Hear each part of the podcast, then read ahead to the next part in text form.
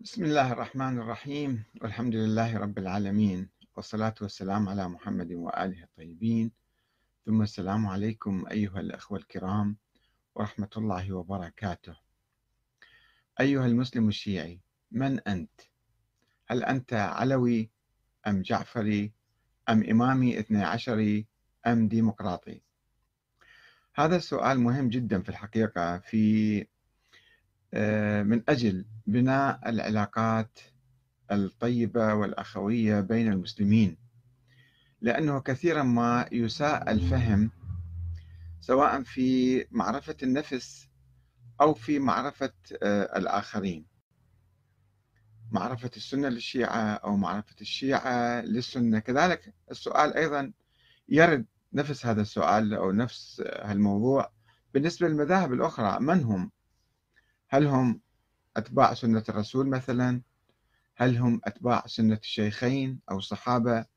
هل هم أتباع الأمويين كما يتهمهم البعض؟ هل هم أتباع العباسيين؟ هل هم ديمقراطيون مثلا؟ هذه أسئلة ترد يعني لكي نعرف الطرف الآخر عندنا مشكلة يجب أن نعترف بالحقيقة؟ عندنا مشكلة كبيرة الآن في داخل العالم الإسلامي. هي مشكلة مشكلة طائفية ومشكلة النظرات السلبية تجاه بعضنا الآخر. لذلك يجب دراسة الطوائف الأخرى والمجتمعات الأخرى دراسة ميدانية وموضوعية ومعاصرة.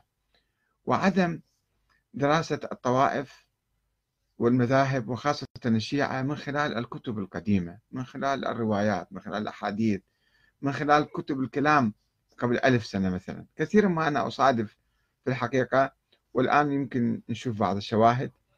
أنا بعض الأخوة مثلا أخ مصري جالس في ما أدري وين من من مصر ويقذف بصواريخه على الشيعة. ليش؟ لأنه هو ماخذ تصور أو قاري كتب أو أبحاث مثلا معينة تتحدث عن فئة من الشيعة أو فرقة من الشيعة أو مرحلة من مراحل التشيع أو جماعة متطرفة فيأخذ الأقوال والنصوص والأحاديث ويركبها على الناس ويتخذ موقف من عندهم.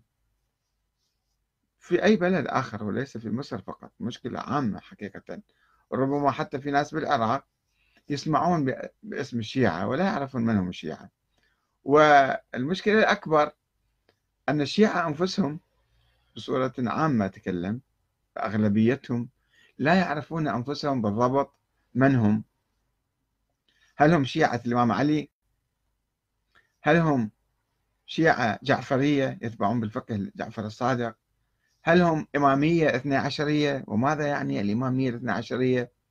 أم, أم هم أم هل هم اليوم مسلمون ديمقراطيون والديمقراطية في فكر آخر مناقض مثلا للإمامية والإثنى عشرية.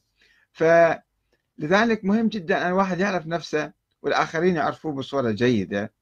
وهو أيضا يعرف الآخرين بصورة جيدة. الآن حديثنا عن الشيعة وليس عن بقية المذاهب. حتى الوهابيين مثلا في فترة كانوا يسموهم وهابيين عندهم ملامح معينة قبل 200 سنة. قبل 100 سنة مثلا قد يكونوا تغيروا الآن يمكن شكل آخر. فما يصير ناخذ تصور معين عن طائفة أو فرقة أو حزب معين ونتمسك بتلك الصورة مدى الدهر. الناس يتغيرون ويتبدلون ويعني ينقلبون حتى أحيانا من اليمين إلى اليسار ومن اليسار اليمين فلا يجوز أن نأخذ صورة واحدة. لذلك أطرح هذا الموضوع المهم والحيوي في الحقيقة لأنه أشوف حتى ناس قريبين من الشيعة في لبنان أو في الكويت أو في العراق أو في قريبين جدا يعني ومختلطين ربما مع الشيعة ولكنهم عندما يتحدثون يقول قال فلان قال فلان يجيب لك نص من هنا أو نص من هناك. وهذا مو مو شيء علمي يعني أن أنت تأخذ نصوص من كتب أو أقوال أقوال أشخاص وتحكم على طائفة بالملايين. بمئات الملايين مثلا. ما يجوز بالصورة هذه. يجب أن ترى التيارات الرئيسية والتغيرات الجوهرية الحاصلة والناس المعتدلين الناس القشريين الناس مثلا كذا وكذا. فالمهم أنا أشوف في ثغرة كبيرة أو نقص كبير بالحقيقة في معرفة الشيعة. لذلك البعض يستغرب كلامي عندما أعرف الشيعة تعريف معين ويستغربون كيف تقول هالكلام هذا كلامك عجيب غريب. خلينا نشوف كلامي عجيب غريب أو مو صحيح.